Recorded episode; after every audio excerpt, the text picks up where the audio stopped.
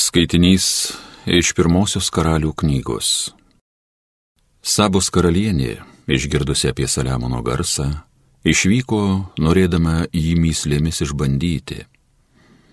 Jis atkeliavo į Jeruzalę su labai gausinga palyda, su kupranugariais nešančiais balzamą, gausybę aukso ir brangakmenių, užėjo pas Saliamoną ir pakalbėjo su juo apie visą, kas ant širdies jai gulėjo.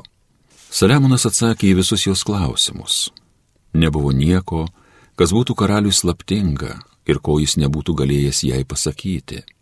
Dabar, kai Sabos karalienė pažino visą Saliamono išmintį, kai pamatė jo pastatytus rūmus, valgius ant jo stalo, jo valdininkų kėdes, namų patarnavimą ir jų aprangą, jo gėrimus ir atnašą, kuriai saukojo viešpaties namuose, tada jai užėmė kvapą. Ji tarė karaliui, ką savo šalyje buvau girdėjusi apie tave ir tavo išmintį, tai tikra teisybė. Aš tuo nenorėjau tikėti, koliai pati atvykau ir savo akimis pamačiau. Beje, netgi nie pusės nebuvo man pranešta. Tavo išmintis ir kiti pranašumai pranoksta visą, ką buvau girdėjusi. Laimingi tavo vyrai, laimingi tie tavo tarnai, kurie visuomet pas tave stovi ir tavo išmintį girdi. Šlovėte būna viešpačiui tavo Dievui, kuris pamilo tave ir Izraelio sostą pasodino. Amžiams pamilęs Izraelį, viešpats paskyrė tave karaliumi, kad vykdytum teisę ir teisingumą. Ji padovanojo karaliui 120 talentų aukso, be to gausybę balzamo ir brangakmenių. Daugiau niekada nebuvo atgabenta į šalį tiek balzamo, kiek Sabos karalienė dovanojo karaliui Saliamonui. Tai Dievo žodis.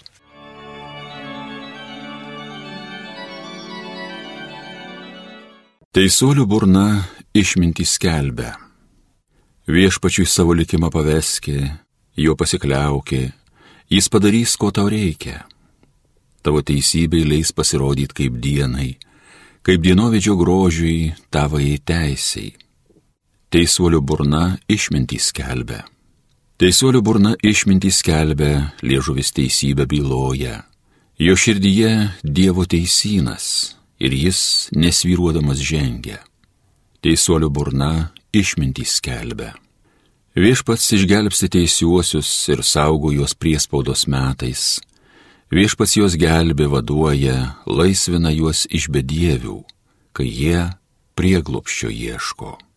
Teisuolio burna išmintį skelbia.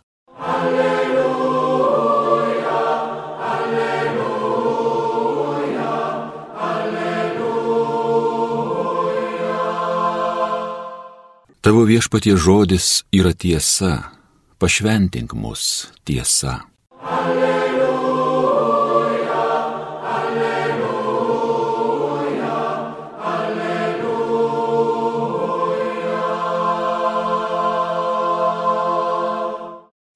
Evangelija pagal Morku.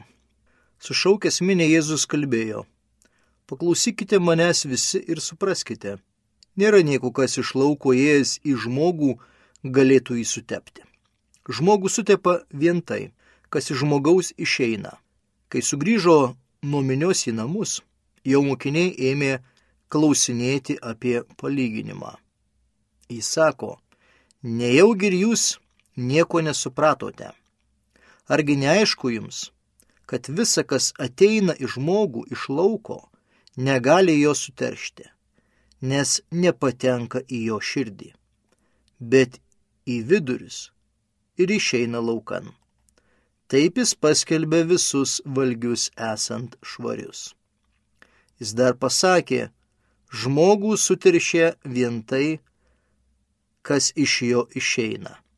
Iš vidaus, iš žmonių širdies išeina pikti sumanimai, paleistuvystės, vagystės, žmogžudystės, svetimavimai, godumas, suktybės, klasta, begėdystės, pavydas, šmeištai, puikybė, neišmanimas. Visos tos blogybės išeina iš vidaus ir suteršia žmogų.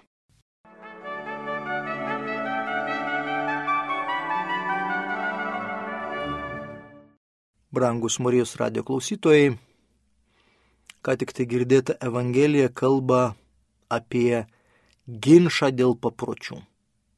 Ir Jėzus diskutuodamas su savo oponentais, čia konkrečiai yra įvardinta minė, jisai jiems aiškina apie žmogiškų papročių svarbą bei vietą. Jėzus tengiasi pabrėžti, kad e, sugalvoti tautos arba žmogaus tam tikras įstatymas, jisai yra žemesnis nei yra dieviškasis įstatymas. Štai pirmoji mūsų Evangelijos eilutė. Ir vėl sušaukęs minę, Jėzus kalbėjo, paklausykite manęs visi ir supraskite. Visų pirma, galbūt reiktų pasakyti, kam Jėzus kalba, kokiai kalba Jėzus auditorijoje. Pats žodis graikiškas ochlios, kuris dažniausiai verčiamas žodžiu minė, dažnai Naujame testamente pristato tam tikrą grupę žmonių, kurie Jėzų klauso, galima sakyti, pasyviai. Minė tai yra tam tikra grupė žmonių, kurie nedaro jokių išvadų, nedaro jokių atsivertimo ženklų, bet paprasčiausia esti su Jėzumi. Dalyvauja Jėzaus stebukluose, klauso Jėzaus mokslo, tačiau ta grupė žmonių iš tikrųjų lieka pasyvi. Pasyvi visose gyvenimiškos situacijos. Ir vis dėlto, nors jinai yra ir pasyvi, Jėzus kalba jiems arba aiškina tą būtent papročių svarbą. Nėra nieko, kas iš lauko įėjęs į žmogų galėtų jį sutepti žmogų sutepa vien tai, kas iš žmogaus išeina. Tas toksai pasakytas Jėzus posakis arba sentencija, jisai tarytum, na, užbaigia tam tikrą kalbėjimo arba kalbos būdą. Ir tuomet Jėzus sugrįžta nuo minios į namus, kalbasi su mokiniais. Kai sugrįžo nuo minios į namus, jo mokiniai ėmė klausinėti apie palyginimą. Ėmė klausinėti arba paklausė. Ir tuomet Jėzus, aišku, atsako. Jis sako, nejaugi ir jūs esate be nuovokos. Be nuovokos arba galėtume pasakyti nesupratingi. Nesupratingi. Argi neaišku jums, kad visa, kas ateina iš žmogų iš lauko, negali jo suteršti. Tas žodis laukas toksai turi pas mus lietuvių kalboje tokį dvigubą reikšmę. E, laukas tai gali būti ir ariamas laukas arba kažkas tai iš išorės. Vis dėlto galbūt prasmingiau kalbėti apie išorę. Štai, sakykime, dabartinis jo vertimas tai pataisęs ir sako jiems taip ir jūs nesupratingi esate, nepastebite, kad kiekvienas, kas iš išorės įeina į žmogų, negali jo suteršti. Tai ta išorė galbūt mums labiau tokia suprantamesnė, nei, sakykime, tas laukas. Nes nepatenka į jo širdį, bet į vidurius ir išeina lauka. Na ir štai dabar su tais viduriais. Pažodžiu yra iš tikrųjų pilvas nes neįeina jam į širdį, bet į pilvą ir į išvietę išeina. Nu va, išvietė išeina, o pas mus čia Česlovo Kavaliausko vertimas yra išeina vėl laukan, viskas į lauką. Ir suprask čia, kad nori, kada mes skaitome tą mūsų jau tokį tradicinį vertimą. Taigi 19 eilutė Morkos Evangelijos 7 skyrius kalba taip, nes neįeina į širdį, bet į pilvą ir išvietė išeina. Na ir va štai čia tokie du labai nustabus yra bibliniai simboliai. Tai yra būtent širdis ir pilvas.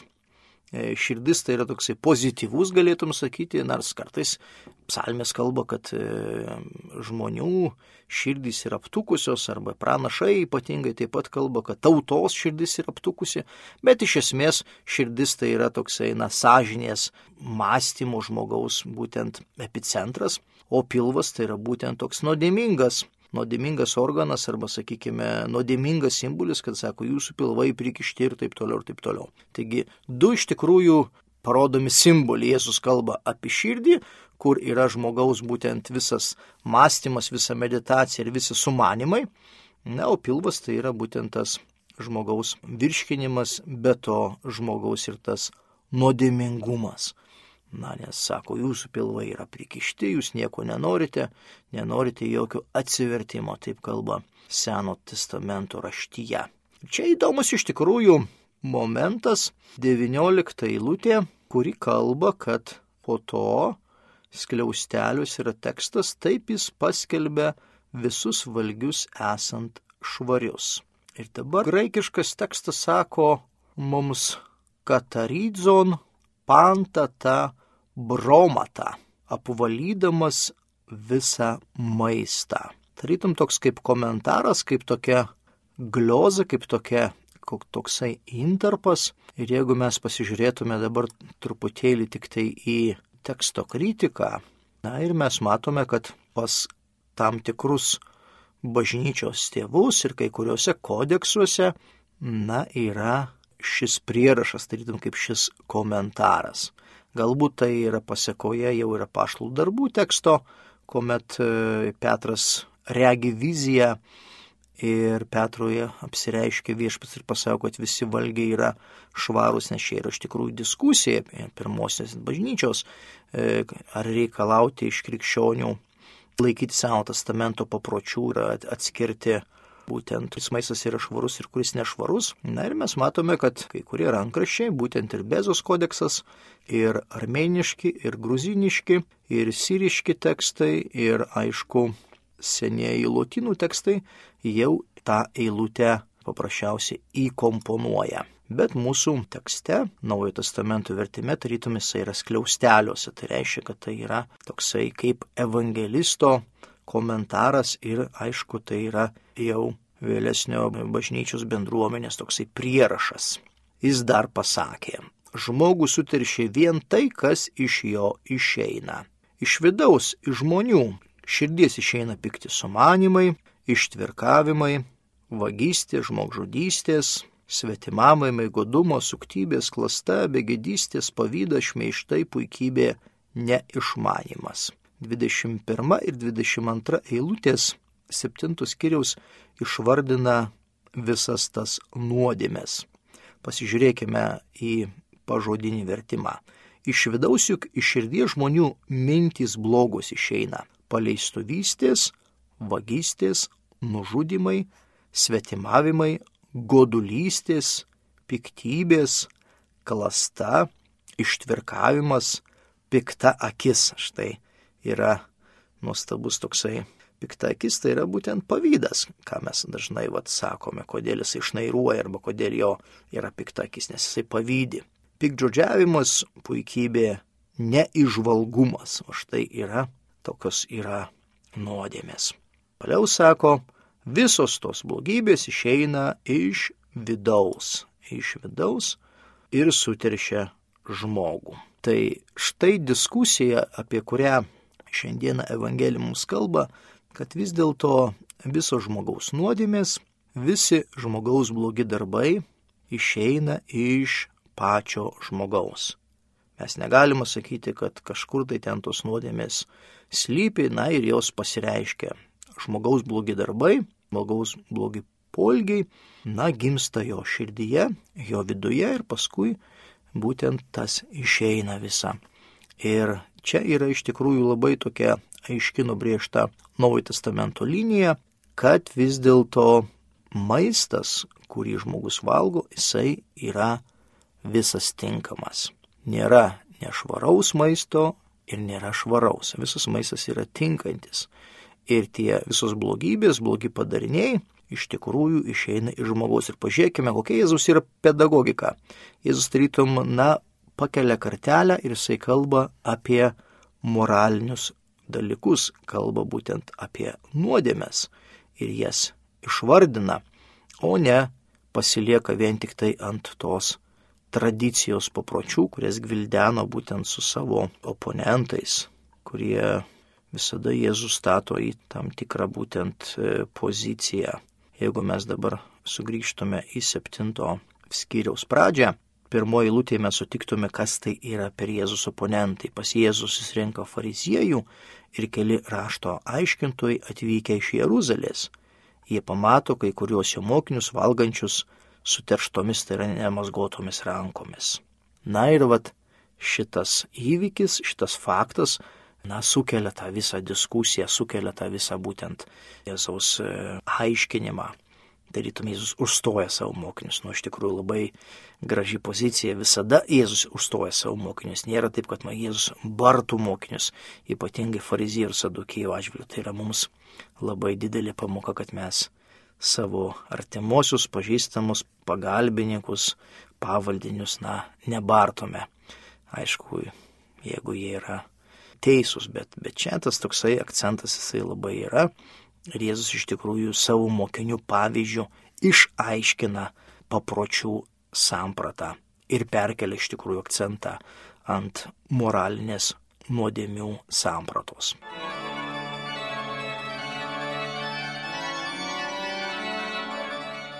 Homilija sakė kunigas Linas Šipavičius.